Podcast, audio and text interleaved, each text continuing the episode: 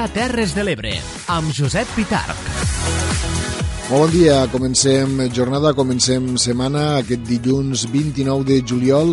Esteu escoltant el programa El Dia Terres de l'Ebre, un magazín informatiu que vol acompanyar-vos de dilluns a divendres per posar-vos al dia d'aquelles notícies, d'aquelles qüestions que aconteixen a les nostres terres. Avui, com els dèiem, ara mateix, eh, quan són la 1 i 5, anem ja a començar el programa, un programa que fem de manera conjunta cinc emissores municipals de ràdio i els companys i companyes d'aquestes emissores, Teri Giné i Clara Seguí des de la Plana Ràdio, Núria Mora, Clàudia Ruiz i Javier Falcó des de Ràdio Tortosa, Francesc Callau i Daniel Rodríguez de la Cala Ràdio, Judit Castells i Jonathan Valls des de Ràdio Joventut i Eduard Carmona i Leonor Bertomeu des de Ràdio Delta. Si ens voleu acompanyar, avui us proposem unes notícies que presenten en aquest dilluns els següents titulars.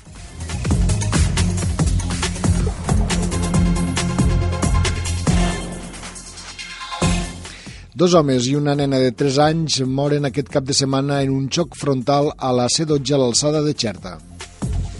Les comunitats de regants de l'esquerra i la dreta de l'Ebre reclamen mesures contra la presència de llapó. L'Institut per al Desenvolupament de les Comarques de l'Ebre reconeix que és un any complicat al riu per la proliferació d'algues. Les Terres de l'Ebre assoleixen 16 banderes de platges verges les cooperatives d'oli del Baix Ebre del Montsià contra la proposició de llei del PSC per protegir les oliveres monumentals. Ajuntament d'Amposta, Diputació i Bisbat acorden finançar la rehabilitació integral de l'església del Poble Nou del Delta. Més de 50 comerços participen en la campanya Tornem al col·le a Amposta. I a Deltebre, 50 establiments pengen el cartell de Es traspassa per tancament en el marc d'una campanya de conscienciació. Millores a la pista esportiva del Parc del Bon Repòs a la Mella de Mar. I també destacarem en el temps de les notícies que un total de 63 xiquets i xiquetes de Santa Bàrbara comencen les colònies d'estiu.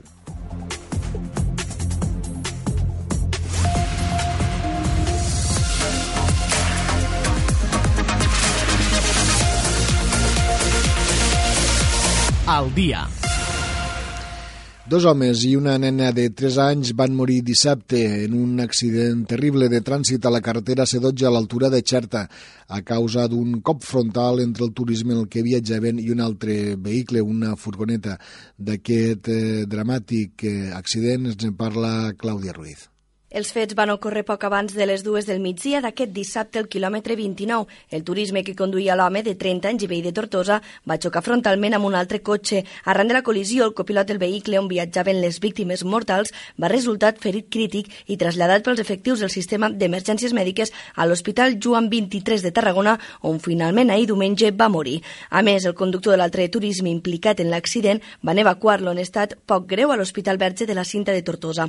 A causa del xoc, la C12 va quedar tallada en els dos sentits de la marxa durant dues hores. Arran de l'accident es van activar tres patrulles dels Mossos d'Esquadra, tres dotacions dels bombers i tres ambulàncies medicalitzades i l'helicòpter del Servei d'Emergències Mèdiques. El cap del sector de trànsit dels Mossos d'Esquadra de Tortosa, Carles Ferran, va explicar aquest dissabte TV3 que el cotxe on viatjaven les tres víctimes mortals estava fent un avançament no reglamentari quan es va produir l'accident, ja que es tractava d'un revolt de poca visibilitat. Amb aquestes tres víctimes ja són 98 les persones que han mort en accident de trànsit aquest any a la xarxa interurbana de Catalunya.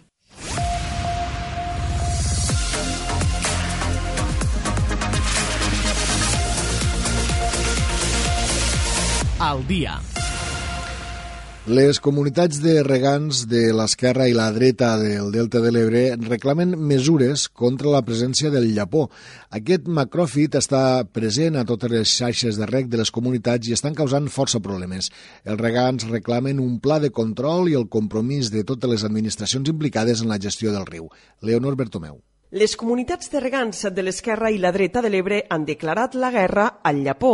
Reclamen a les administracions que declaren este macròfit com a plaga i que adopten conseqüentment un pla de control urgent contra el llapó. Segons han argumentat en un comunicat conjunt, la presència de llapó tant a l'aigua del tram final del riu com recobrint els fons i parets de les canalitzacions de regadiu, sobretot amb l'arribada de la calor i en el moment àlgid de la collita de l'arròs, s'ha convertit en el principal problema en la gestió del regadiu, dificultant la circulació de l'aigua, obstruint les preses, així com les estacions de bombament. En aquest sentit, i davant la prohibició de tractaments amb herbicides, apunten que la quantitat de recursos suplementaris que han de destinar a la seva neteja en personal i maquinària són cada cop més elevats i suposen ja la meitat del pressupost de manteniment. Segons les comunitats, tot i que el problema existeix des de fa molt de temps, en els últims anys la situació s'ha agreujat i resulta en estos moments ja desbordant. Els regants insisteixen que el pla de control hauria de comptar amb la participació i compromís de totes les administracions implicades en la gestió del riu, des de la Confederació Hidrogràfica de l'Ebre fins a l'Institut per al Desenvolupament de les Comarques de l'Ebre, l'IDC. Doncs el problema del llapó, que col·lapsa els canals de rec, es posarà sobre la taula en la nova etapa de l'Institut per al Desenvolupament de les Comarques de l'Ebre que ha obert Albert Salvador, que relleva des de divendres, recordem, Alfons Montserrat com a director de l'Institut. Clàudia Ruiz. La petició dels regants perquè es declari llapó com a plaga al tram final de l'Ebre s'estudiarà tot i que les competències en navegabilitat de l'IDC s'emmarquen en el tram del riu entre Ascó i Amposta. Aquest tipus de macròfit que genera greus problemes a les infraestructures de gestió de l'aigua durant l'estiu i que és l'hàbitat idoni per al desenvolupament de la mosca negra. L'exdirector de l'IDC, Alfonso Montserrat, assenyala els elements que han provocat la proliferació de les algues al riu. Aquest any serà complicat per a poca aigua i la temperatura alta que fa que caiguen molts, molts, molts de macròfits. No?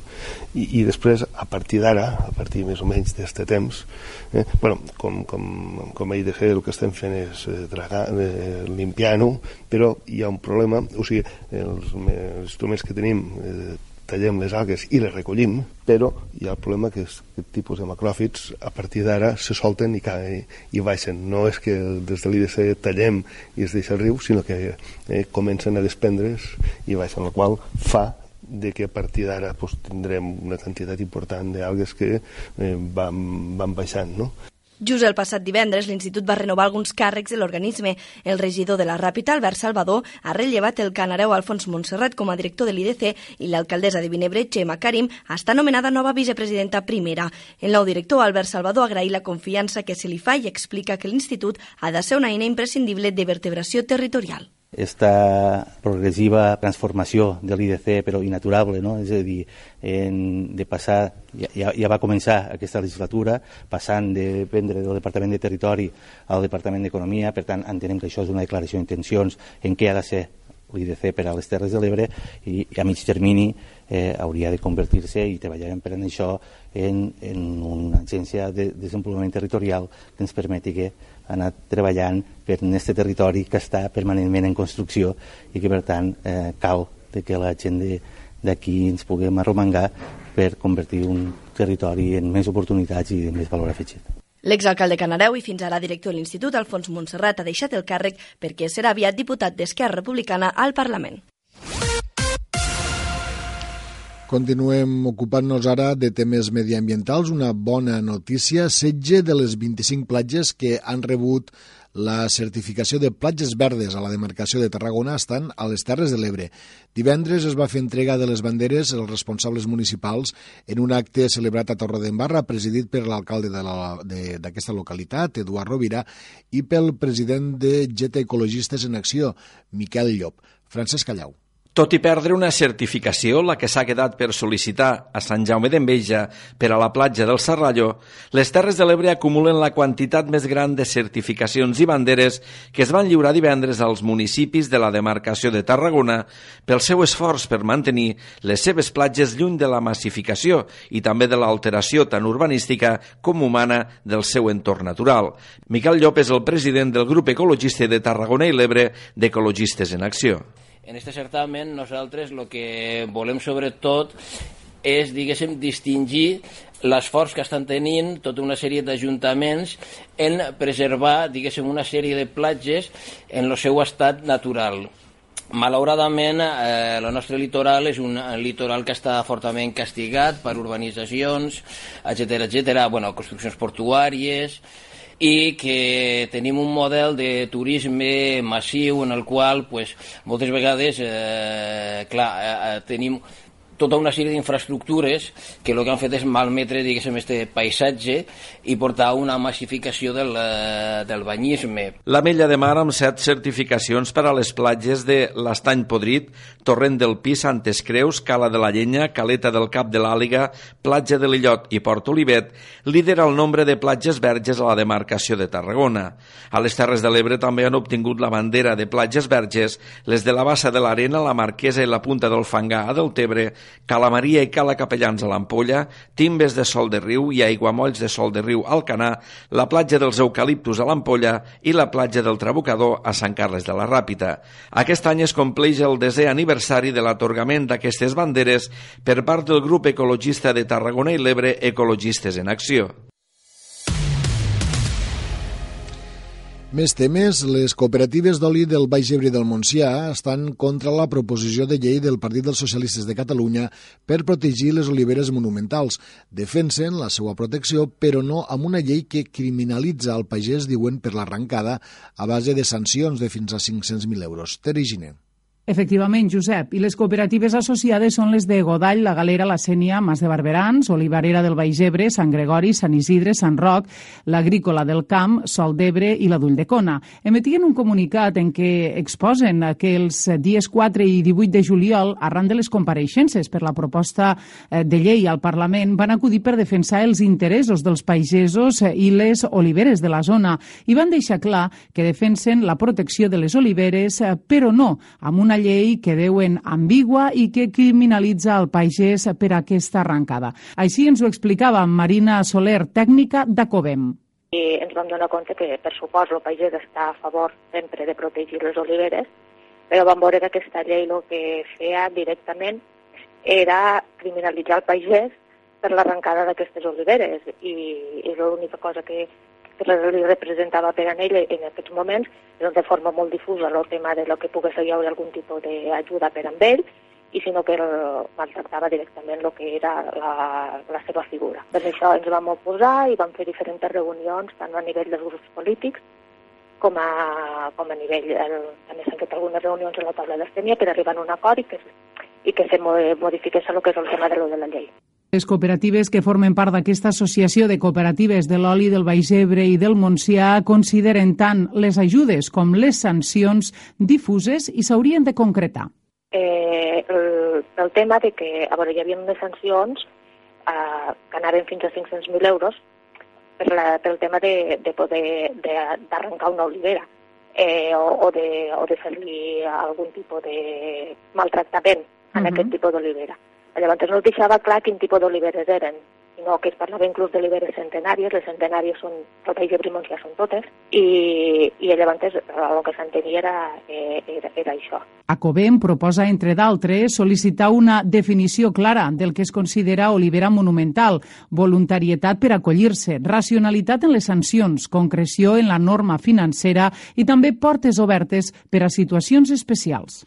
Gràcies, Tere. Canviem radicalment de tema. Signen un conveni per rehabilitar l'església del nucli del Poble Nou del Delta.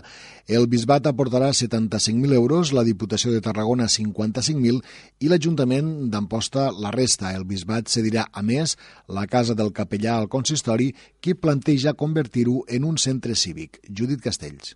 L'Ajuntament d'Amposta, la Diputació de Tarragona i el Bisbat de Tortosa rehabilitaran de manera integral l'església del Poble Nou, per tal de finalitzar així la intervenció feta al campanar l'any 2014. Les tres entitats se comprometen a fer l'aportació econòmica necessària per tal de tirar endavant el projecte amb un pressupost total de 235.000 euros i que està previst s'adjudiqui durant la tardor del 2019. L'alcalde d'Amposta, Adam Tomàs, en representació de l'Ajuntament d'Amposta i el rector de l'Església del Poble Nou del Delta, en representació del Bisbat, han signat un conveni de col·laboració que compromet a les dues entitats a tirar endavant la recuperació de l'edifici. Per la seva banda, el Bisbat se compromet a aportar 75.000 euros per tal de finançar les obres i cedir la propietat a l'Ajuntament, la casa del rector, annex a l'Església. L'Ajuntament d'Amposta, a canvi, se compromet a finançar la resta del projecte i a executar-lo durant el 2019. Aquest acord també inclou que el consistori Ampostí ha sol·licitat una subvenció a la Diputació de Tarragona Per aquest motiu, la presidenta de la Diputació, Noemí Llaurador, ha signat un annex del conveni en què manifesta que el pressupost del 2019 de la Diputació hi consten dues aplicacions pressupostàries per un import total de 55.000 euros per a la concessió d'una subvenció nominativa per a la rehabilitació de l'església del Poble Nou del Delta. I parlem ara de comerç. La Federació de Comerç de Deltebre pretén conscienciar la ciutadania de la importància del comerç local i de proximitat amb una arriscada campanya que s'ha posat en marxa aquest mes de juliol a la població i de la que ens informa Leonor Bertomeu. Una cinquantena de comerços de Deltebre han penjat este mes de juliol el cartell de Es traspassa per tancament. Es tracta de la nova campanya impulsada per Fecotur, la Federació de Comerç de Deltebre, que pretén conscienciar la ciutadania de la importància del comerç local i de proximitat. I amb esta arriscada campanya alerta que molts comerços podrien arribar a tancar sense el suport dels consumidors. Ricard Xopo és el vicepresident de Fecotur. Han tingut eh, trucades, WhatsApp de eh, traspasseu el comerç, traspasseu... no, no, no traspassem, és una campanya perquè poguéssiu conscienciar-vos de que nosaltres estem vius, i nosaltres volem treballar per al poble, per al poble i al costat del poble. La campanya de Fecotur pretén precisament despertar la consciència ciutadana davant el fet que són molts els consumidors que opten per la compra per internet en lloc de fer-ho als comerços locals, abocant-los al tancament. Joan Carlos Antó és comerciant i membre de Fecotur. Fer aquesta campanya per a donar veu, donar força al comerç de proximitat necessitem l'ajuda de la gent que ens vingui a comprar i, i, i que creéssim una entitat de riquesa a, a, a Deltebre ja i, i, i a, per extensió a, a totes les Terres de l'Ebre. Des de fa uns mesos, els comerços de Deltebre també estan a internet a través del marketplace de deltebre.shop. I les persones que compriguen entre l'1 d'agost i el 30 de setembre als comerços d'Amposta es podran emportar un cap de setmana a Port Aventura i a Ferrari Land. Judit Castells. En total són 55 els comerços d'Amposta que se sumen a la campanya Tornem al col·le, que sorteja un viatge d'un cap de setmana per a tota la família Port Aventura i a Ferrariland. L'acció, organitzada pel Pla de Dinamització Comercial a la vora i per la Federació de Comerç, té com a objectiu incentivar la compra al comerç de proximitat durant aquest període que les famílies comencen a comprar el material necessari per a la tornada a l'escola, tant dels infants com dels joves. Entre els comerços participants hi ha des de papereries i llibreries a botigues de roba, de tecnologia o d'alimentació. El sorteig se farà el dia 1 d'octubre entre totes les persones que entre l'1 d'agost i el 30 de setembre comprin a les botigues d'emposta participants. Per altra banda, dir-los que l'Ajuntament de Deltebre ha signat un acord de col·laboració amb l'obra social de la Caixa que farà una aportació econòmica de 6.000 euros que servirà per complementar els ajuts destinats a les famílies del municipi amb risc d'exclusió social. Esta quantitat es destinarà per ajuts, sobretot, de material escolar i per a subministrar productes bàsics de neteja i higiene personal tant d'adults com de nadons. Aquestes ajudes complementen en ajuts d'urgència social als tributs locals que ja ofereix l'Ajuntament de Deltebre. Parlem d'esports. Nou terra a la pista poliesportiva del Parc del Bon Repòs a la Mella de Mar. L'Ajuntament ha millorat l'equipament retirant la goma i apostant pel formigó polit. Aquesta setmana els usuaris podran tornar a practicar esports com el futbol o el bàsquet amb millors condicions. Francesc Callau. El mal estat que presentava el terra similar al cautxo obligava a fer reparacions periòdicament. Per evitar-ho s'ha tret aquest material i s'ha polit el formigó. Els operaris municipals enllesteixen ara les obres amb la pintura de les línies de joc tant de futbol com de bàsquet. Vicent Lleó és el regidor d'Obres i Serveis. Teníem una pista amb un, amb un tipus, amb un element que és molt paregut al cautxú i i que, bueno, que les reparacions que hi havien de fer molt sovint, ja pel, pels anys que, ha, que té la pista, ens feien que, que, bueno, que pujàvem molt, un preu bastant elevat. No? Eh, per tal de millorar la seguretat de, dels nens i dels no tan nens que juguen allí, hem arrencat tota, aquest, tota aquesta pista, ara l'estem polint per a deixar-la ben anivellada i ben, i ben fineta per, per poder i possiblement la pintarem i així pues, ja es dic jo tindrem un, un treball per a bastants anys sense la preocupació de si s'arranca un tros d'aquella goma especial que teníem o no s'arranca. Aprofitant les obres, també s'instal·larà una font d'aigua propera a la pista.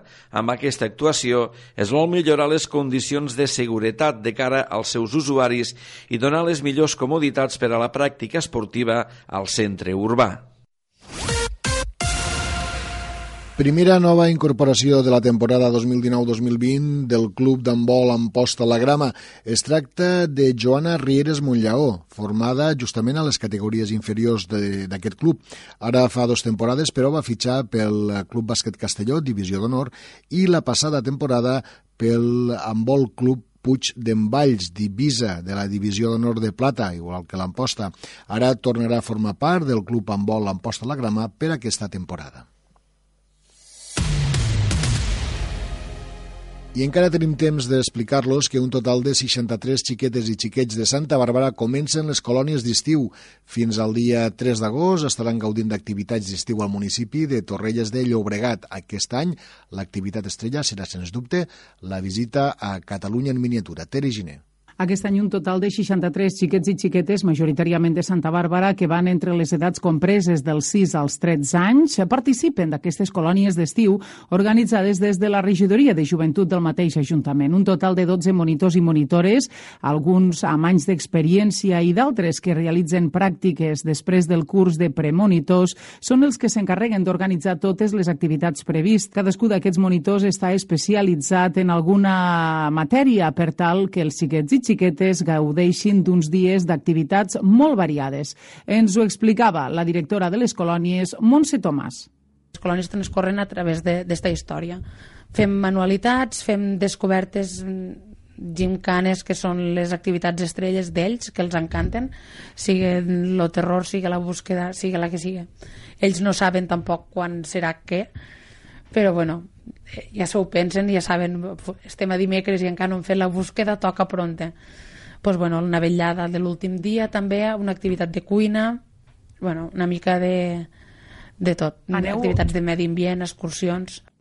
La casa de colònies escollida per aquest any és Can Mas, una masia del segle XVI situada al massís del Garraf, al municipi de Torrelles de Llobregat. El dia 3 d'agost finalitzen les colònies d'una manera molt divertida.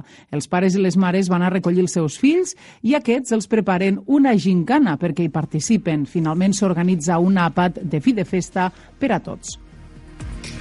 Gràcies, Tere. També dir-los que la coordinadora territorial de l'Institut Català de les Dones a les Terres de l'Ebre, Carme Valls, va presidir el curs La perspectiva de gènere, estratègia per dissenyar les polítiques públiques al segle XXI. Més de 20 càrrecs, representants de més de 15 poblacions ebrenques, sorgits de les darreres eleccions municipals, van participar en aquesta formació que té, que té per objecte avançar cap a un lideratge polític amb consciència de gènere i que impulse societats més justes i igualitàries. L'experta Mònica Gelambí va ser l'encarregada d'impartir aquesta formació de 3 hores de durada. El curs, adreçat a càrrecs polítics amb responsabilitat als consistoris, aprofundeix en la legislació sobre igualtat de gènere i per a l'erradicació de la violència masclista, les eines i les estratègies per al disseny de polítiques públiques municipals amb perspectiva de gènere, així com en els recursos i els serveis per actuar en aquest camp. I això és tot el que volíem explicar-los. Al temps de les notícies del dia d'avui fem una breu aturada i continuem ja amb més continguts al programa El dia Terres de l'Ebre.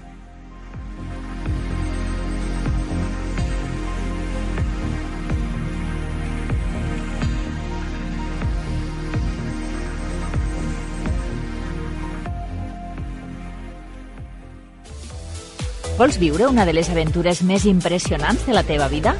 Viu l'experiència Tunatur. Gaudeix d'una excursió en catamarà amb sortida del port de l'Ametlla de Mar a la Costa Daurada.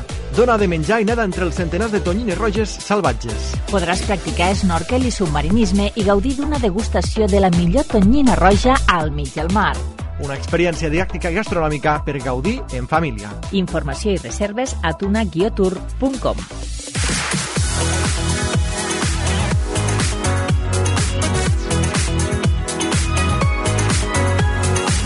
Dia Terres de l'Ebre, amb Josep Pitarc.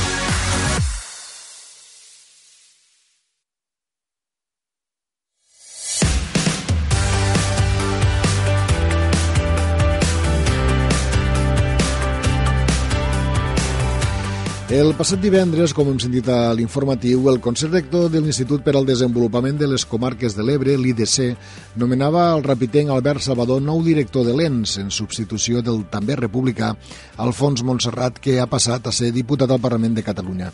Albert Salvador, enginyer industrial, és regidor a l'Ajuntament de la Ràpita i té una dilatada trajectòria política, ja que, a banda del món municipal, també ha estat cap de gabinet de la delegació del govern a les Terres de l'Ebre, gerent del Consell Comarcal del Montsià o president del Consorci de Residus, entre altres càrrecs. Senyor Albert Salvador, bon dia. Hola, bon dia, Josep. Eh, abans que res, eh, felicitats pel, pel nou nomenament. Gràcies, gràcies. Sup suposem que, com aquell qui diu, encara no, no ha pogut ni, ni aterrar no, a l'IDC, ja que el nomenament és just de, tot just de divendres. Sí, bueno, realment divendres se, se fa el nomenament al Consell Rector i ara estem a l'espera de que en els propers dies surti publicat el, el DOC i a partir d'allí sí que ja serà efectiu al 100% el, i ja agafarem les funcions corresponents. Mm. Durant aquests dies el senyor Montserrat encara està exercint com a, com a director de l'ENS? Sí, bueno, realment el que et comentava, és a dir, al moment de que es fa la, la publicació del DOC ja deixarà el fons de, de fer les seves funcions i, passaran a, en aquest cas, aleshores faria jo. Mm. Eh, ara que parlàvem, l'etapa d'Alfons de Montserrat ha estat, podem dir, eh, relativament curta, parlem aproximadament d'un any eh, al front d'aquest temps. Podríem dir que la de vostè serà una etapa de continuïtat, donat que tots dos són membres d'Esquerra Republicana i que s'havia dit que la seva formació volia donar un, un nou impuls a aquest organisme? Sí, bueno, realment serà així. Sí que és cert que, que circumstancialment l'etapa de Font Montserrat pues, sí que no és tot, tot lo llarga que inicialment havíem plantejat.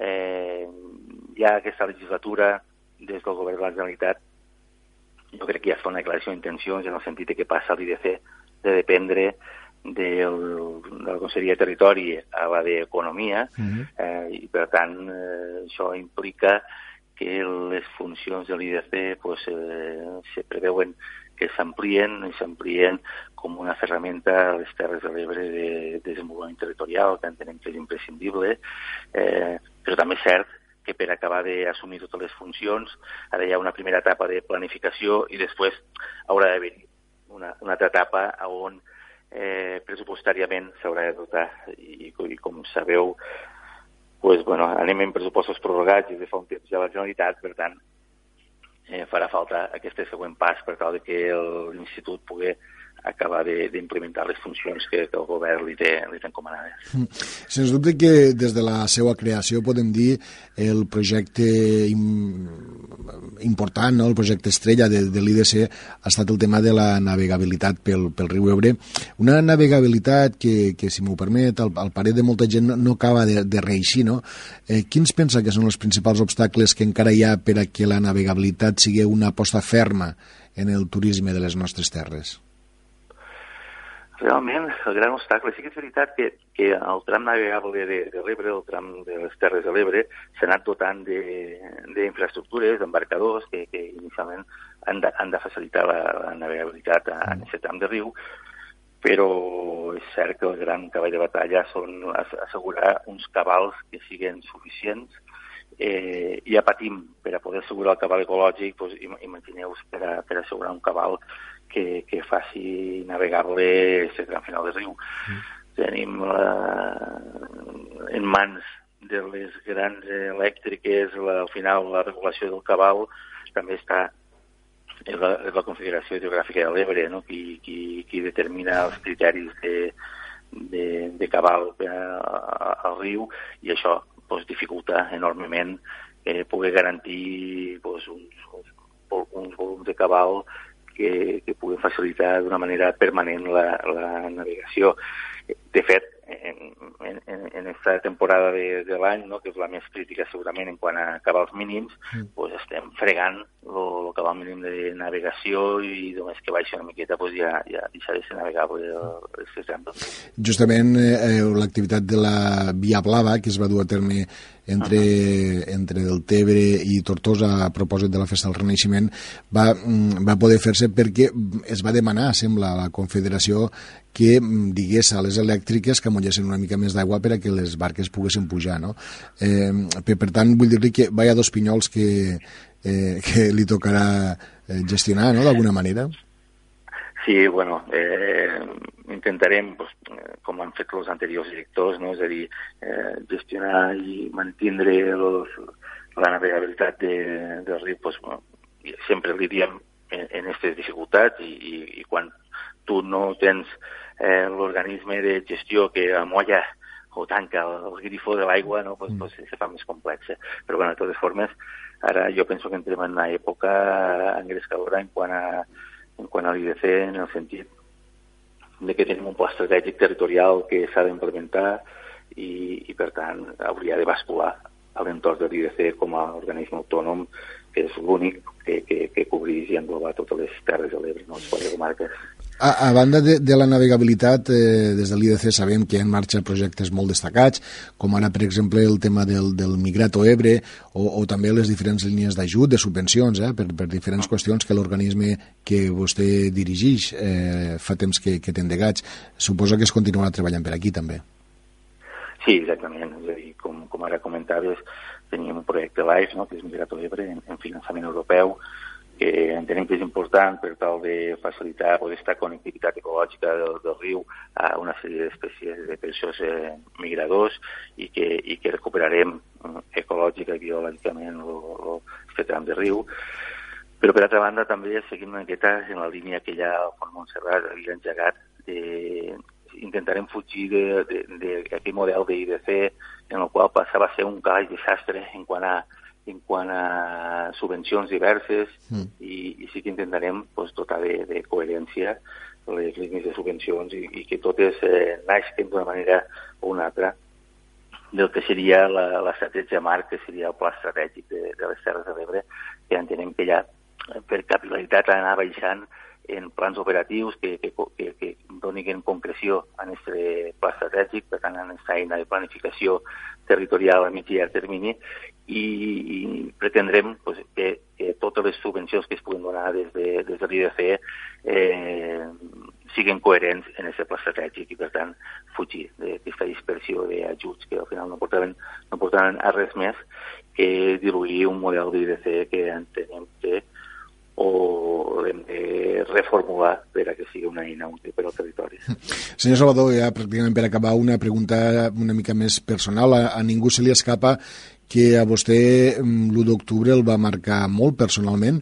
Mm, hivern, mm, recordem, va ser un dels ebrencs, juntament amb el seu germà Pau, que va anar a declarar al Tribunal Suprem en el judici contra els presos polítics catalans, però a banda vostè també està encausat en una altra peça pels fets d'aquella jornada. Està preocupat o tem que això pugui influir en la seva carrera política?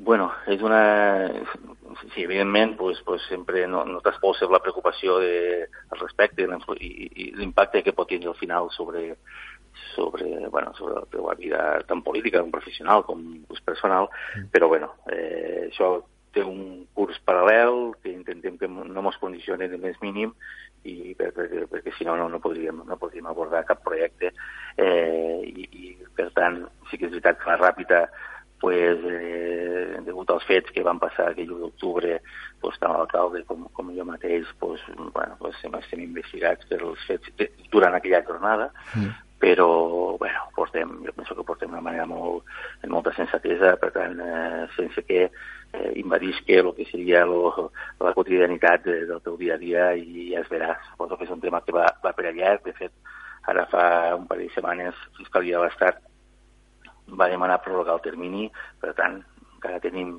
Bueno, és un tema que va per allà i l'anem afrontant de la millor manera possible en funció dels diferents passos que pugui fer Fiscalia i Advocacia de l'Estat.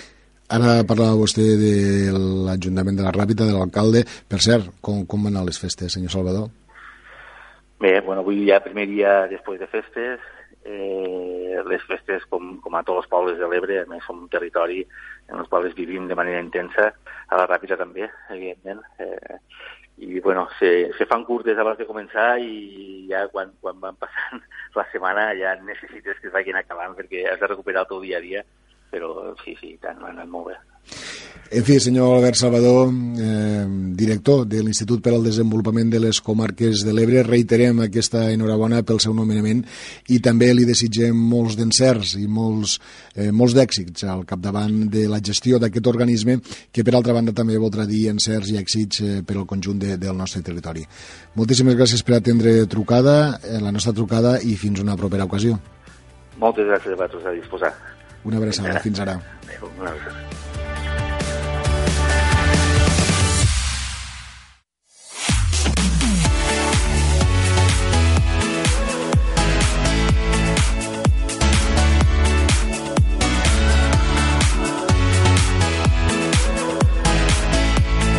Al dia, l'agenda de les Terres de l'Ebre. Efectivament, és l'hora de començar el temps de l'agenda. Sabeu que eh, fem diverses connexions amb els companys i companyes de cadascuna de les emissores, així que, sense més dilació, sense perdre temps, ja comencem aquesta sèrie de contactes, en aquest cas, als estudis de Ràdio Tortosa, on es troba la nostra companya Clàudia Ruiz. Clàudia, bon dia. Bon dia, Josep. Comencem l'agenda d'este últim dilluns de juliol destacant la festa de cloenda del projecte Ujaripen a Tortosa, que tindrà lloc a les 7 de la tarda a la plaça Sant Joan, o també anomenada i coneguda com a plaça del Pou. Es tracta d'una acció socioeducativa amb el col·lectiu gitano que tot just ha acabat aquest mes de juliol. I si el que vols és desconnectar, doncs la Biblioteca Marcel i Domingo de Tortosa han preparat per avui a les 6 de la tarda l'activitat Juga sense connexió, dirigit a famílies amb infants a partir de 5 anys. I just esta setmana, concretament dimecres, dimecres finalitza l'exposició Pinzellades Especials, una mostra de 20 obres, pintures en acrílic sobre tela, realitzades per 20 artistes del taller d'expressió artística del Centre Ocupacional de la Fundació Mercè Pla a Campredó. La trobareu a la Biblioteca Mercè Lleixa de Roquetes, així que afanya't abans que la tanquen. M'afanyaré, m'afanyaré. Moltíssimes gràcies, Clàudia. Continuem la ronda de contactes, la ronda de connexions. Anem als estudis de la Plana Ràdio a Santa Bàrbara, on hi ha la nostra companya Clara Seguí. Clara, bon dia. Bon dia, Josep. Les festes de Sant Carles de la Ràpita van acabar, però continua una exposició que es titula Ràpita 2002 de Mar Raventós, que es pot veure fins l'1 de setembre. Una exposició d'escultura que va ser Premi d'Escultura Agustí Vizcarro 2018. Es pot veure d'11 a 2 del migdia i de 5 i mitja a 8 i mitja de la tarda al Museu de la Mar de l'Ebre. D'altra banda, continuaran els espectacles infantils a la platja del Marjal de les Cases d'Alcanar, on aquest diumenge tocarà circ amb tricircus de la companyia Cirquet Confetti. I ja en vistes de cara al cap de setmana, també a Mas de Barberans es farà el 17è racó dels artesans, la Fira de les Fibres Vegetals. Els dies 3 i 4 han demostracions artesanals, tallers de fibres per a infants i adults, visites guiades i tot un seguit d'activitats per a tota la família. I acabem la ronda de connexions del dia d'avui als estudis, en aquest cas de Ràdio Joventut, a Mas d'Enverge, perquè ens en faci 5 cèntims Judit Castell. Judit, bon dia. Doncs aquí a Mas d'Enverge estem en plenes festes majors. Per lo tant, des de Radio Joventut aquesta setmana us proposem venir aquí al municipi per tal de gaudir de totes aquestes activitats que són tant per a grans com petits i que se celebraran diverses activitats com balls, festa de l'escuma, concerts, tornejos d'esport i actes taurins. Dissabte al matí, per exemple, se celebrarà una de les activitats estrella pels més petits, que serà la festa aquàtica amb un tobogan aquàtic de 75 metres de llargada. A les 12 de la nit hi haurà castell de focs i després ball i orquestra. I el diumenge al migdia hi haurà food truck silang amb un DJ local i a la tarda se farà la sisena festa grossa, ball en línia i country. A les 7 i mitja de la tarda de diumenge a la plaça de Bos de Mas d'Enverge se celebrarà el sisè Grand Prix i les festes posaran el punt i final a les 10 i mitja de la nit amb l'obra de teatre Deixa'm la dona Pepet de la CIA Delta Teatre.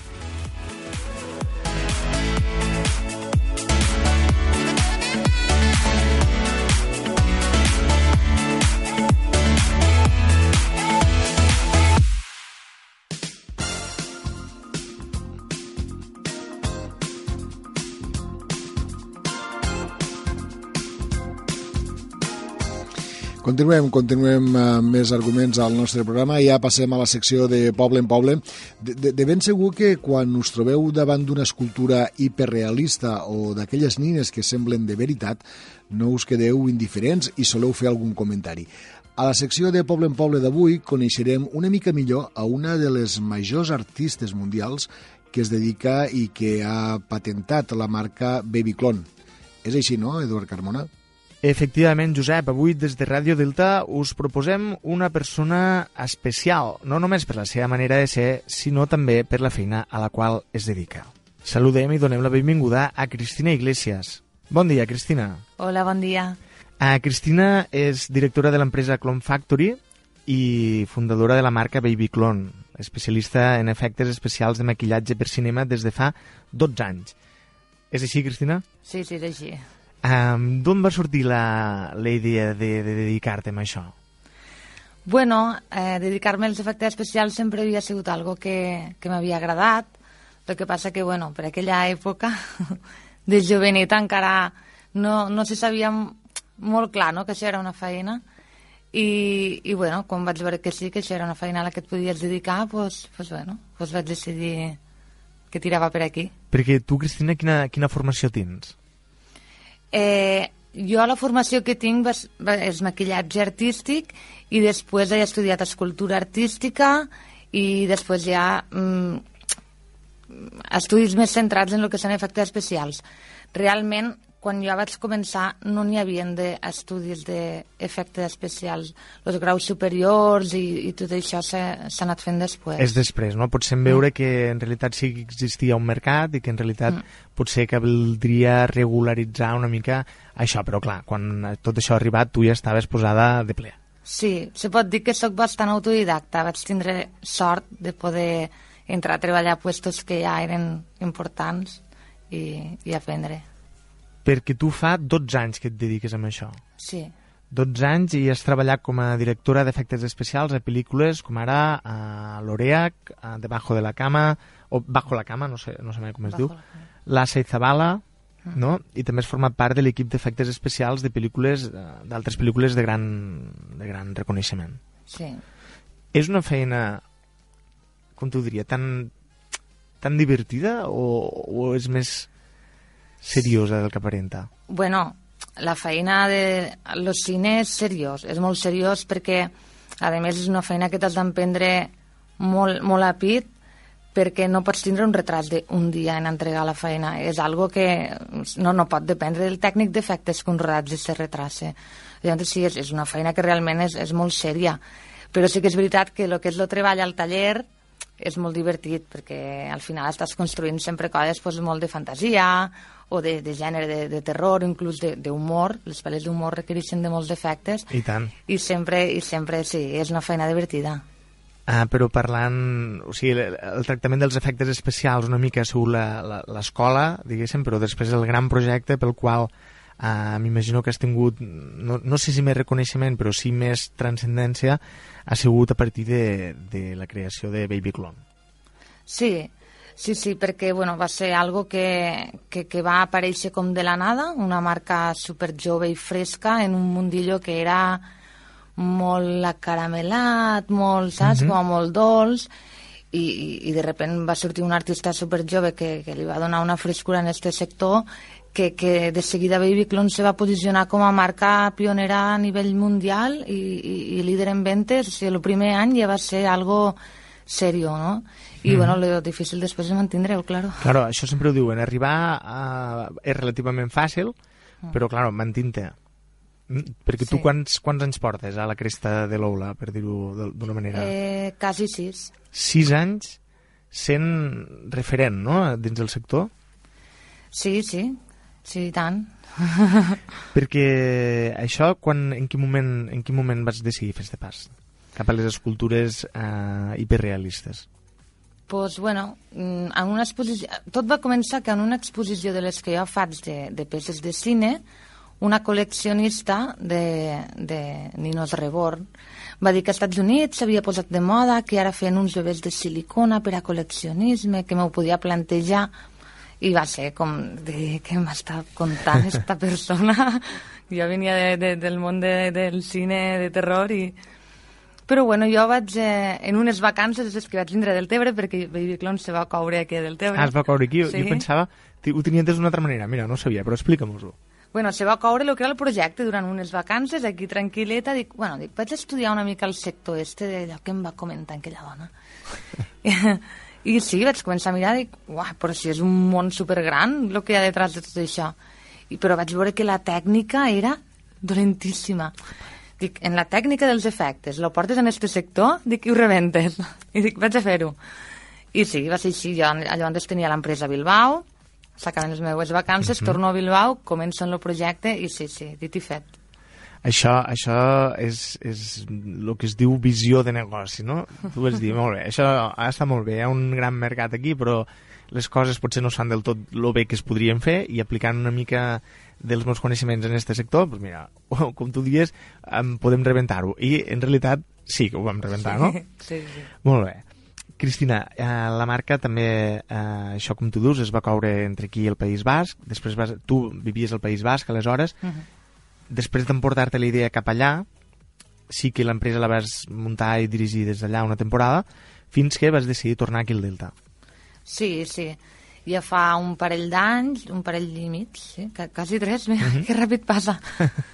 que, que, bueno, que jo ja m'enllorava molt la terra, ja eren 12 anys fora o 13 i ja tenia ganes de, de tornar i volia formar una família, se va juntar una mica tot, no? I, claro, era una mica la temor, perquè jo sóc molt de... Quan les coses van bé no les canvies. Sí. Saps? Jo, jo sóc molt d'això. Però vaig dir, bueno, no puc condicionar la meva vida personal tampoc a aquest nivell. Jo tinc ganes d'estar allà i, i ja està, no?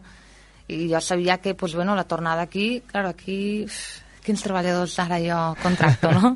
Però, bueno, tot això va ser un procés una mica estudiat i, i bueno... Clar, perquè quan tornes aquí, eh, o quan te planteges de tornar, el primer que penses és, a veure, jo tinc un negoci amb el qual treballo amb gent formada, perquè a la zona on visc potser fa més anys que es treballa en aquest sector i ara tornar al poble, i, i clar, no hi ha tradició d'aquest negoci, com ho faré, no? Però quan te poses a investigar, sí que vas trobant persones, no?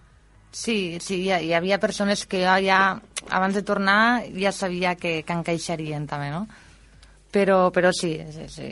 A veure, els vaig haver de formar en el que és la tècnica per a, per a Mhm. fer aquesta feina en concret i, i bueno, i bé, ens respon superbé, la veritat és que treballen superbé, jo estic contentíssima amb l'equip que tinc aquí, ja no només per com treballen, sinó perquè també és un equip humà d'una qualitat excel·lent, o sigui, som, som una familieta.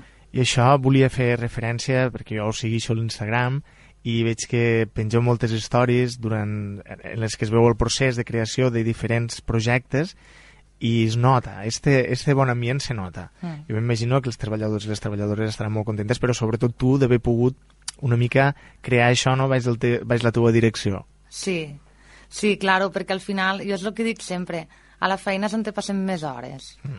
Si a la feina estàs a gust, tu estàs, tu estàs bé, no? Exacte. I, i sí, els ambients tensos a mi a la feina no... No, sempre s'ha d'intentar fugir d'això, eh, sempre. Sí. Cristina, una de les coses que criden molt l'atenció és la varietat de productes que oferiu al vostre catàleg.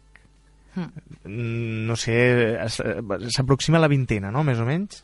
Sí, sí, i a més en extras, o sigui, ja, si fas la combinació de tot, no sé si eren com a 10.000 variacions. 10.000 variacions. Sí, sí, quan vam fer la web i vam fer la shop, sortia com a 10.000 combinacions diferents, o, o, cinc- o 5.000, no ho sé, però Ostres, molt.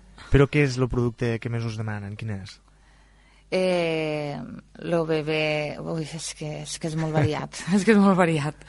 Així que digues, més o menys, dis-me'n dos o tres, que són el més demanat. Doncs pues mira, l- hi ha un modelo que es diu Berlín, que és així com un prematuret molt guapet, molt guapet, que és una de les primeres escultures que vaig fer i hem tingut que reeditar-la perquè, perquè Perquè tenia moltíssima- molta demanda. Sí. I, i t'has trobat que una mateixa persona et faigui diferents comandes? Sí, tenim clients habituals Clients habituals? que cada dos o tres mesos fan una comanda. Ostres, Tenim clients que de vegades ne demanen dos o tres del mateix pedido ja, pot ser per a regalar o pot ser per la col·lecció. o per la col·lecció. Sigui, sí. bàsicament el mercat serien col·leccionistes? Sí, bàsicament sí. Cada vegada hi ha més pares que ho regalen a les fills o filles, eh, que realment no és esta la funció del baby clone, Mhm. està declarat una peça d'art i és per a col·leccionisme. Però bueno, al final qui ho compra pues, fa el que vol, claro. Mm, en tantes varietats, diguéssim, tantes opcions que has dit, sí que podríem dir que hi ha, encara deuen haver algunes peces úniques, per dir-ho així. Que no, peces que només hagués fet una vegada. Sí, sí, normalment me solen demanar, per exemple, rèpliques d'un bebè real. Ah, pues jo vull la rèplica de com era ma filla quan va néixer, a, a partir de fotos o... Llavors, clar, són peces úniques que només és per a este client. Ostres, I de, i, sí, sí. és, és, és increïble. Sí, sí, hi ha una iaia, per exemple, pues, que té cinc nets i, i m'ha demanat la rèplica de tots els nets. Ostres, m'encanta, m'encanta i segur que, que, que hi haurien molts de casos, però dis-me, si pots, quina és la comanda més estranya que t'han fet mai? La comanda més estranya que m'han fet mai trobo que no és de Baby Clone. Ah. Però bueno, si és de Baby Clone, uf, no sabria dir-te. Eh, pot ser pues, un nino tot tatuat, Tot tatuat, Sí. ostres. i després arriba gent a, a Baby Clone que no és per a ninos en si, però que eh, veu que som una empresa que treballem en silicona i en, en, en, en una qualitat de realisme alta, i, per exemple, doncs, fa poc una em va preguntar si li podia fer una pròtesi eh, per a posar-se, però tipus malles, eh? o sigui, a les cames. No és que li faltessin les cames, sinó una pròtesi per a com un, remodelar... Com unes malles. Sí, com una, però... Peça, una peça de vestir. No, no, o sigui, mm, com pell, vale? però perquè ella s'ho posés de sobre les seues cames, perquè no li agradava la forma que tenia, uh -huh. per a remodelar-la, no? o sigui, perquè tingués una forma que nosaltres esculpíssim les seves cames i que ella s'ho pogués posar. Ostres! Sí, coses així, sí. Molt interessant. Cristina, uh, moltes gràcies per venir uh, aquí a atendre els nostres micros. Desitgem el millor a tu i a la teva empresa. Moltes gràcies.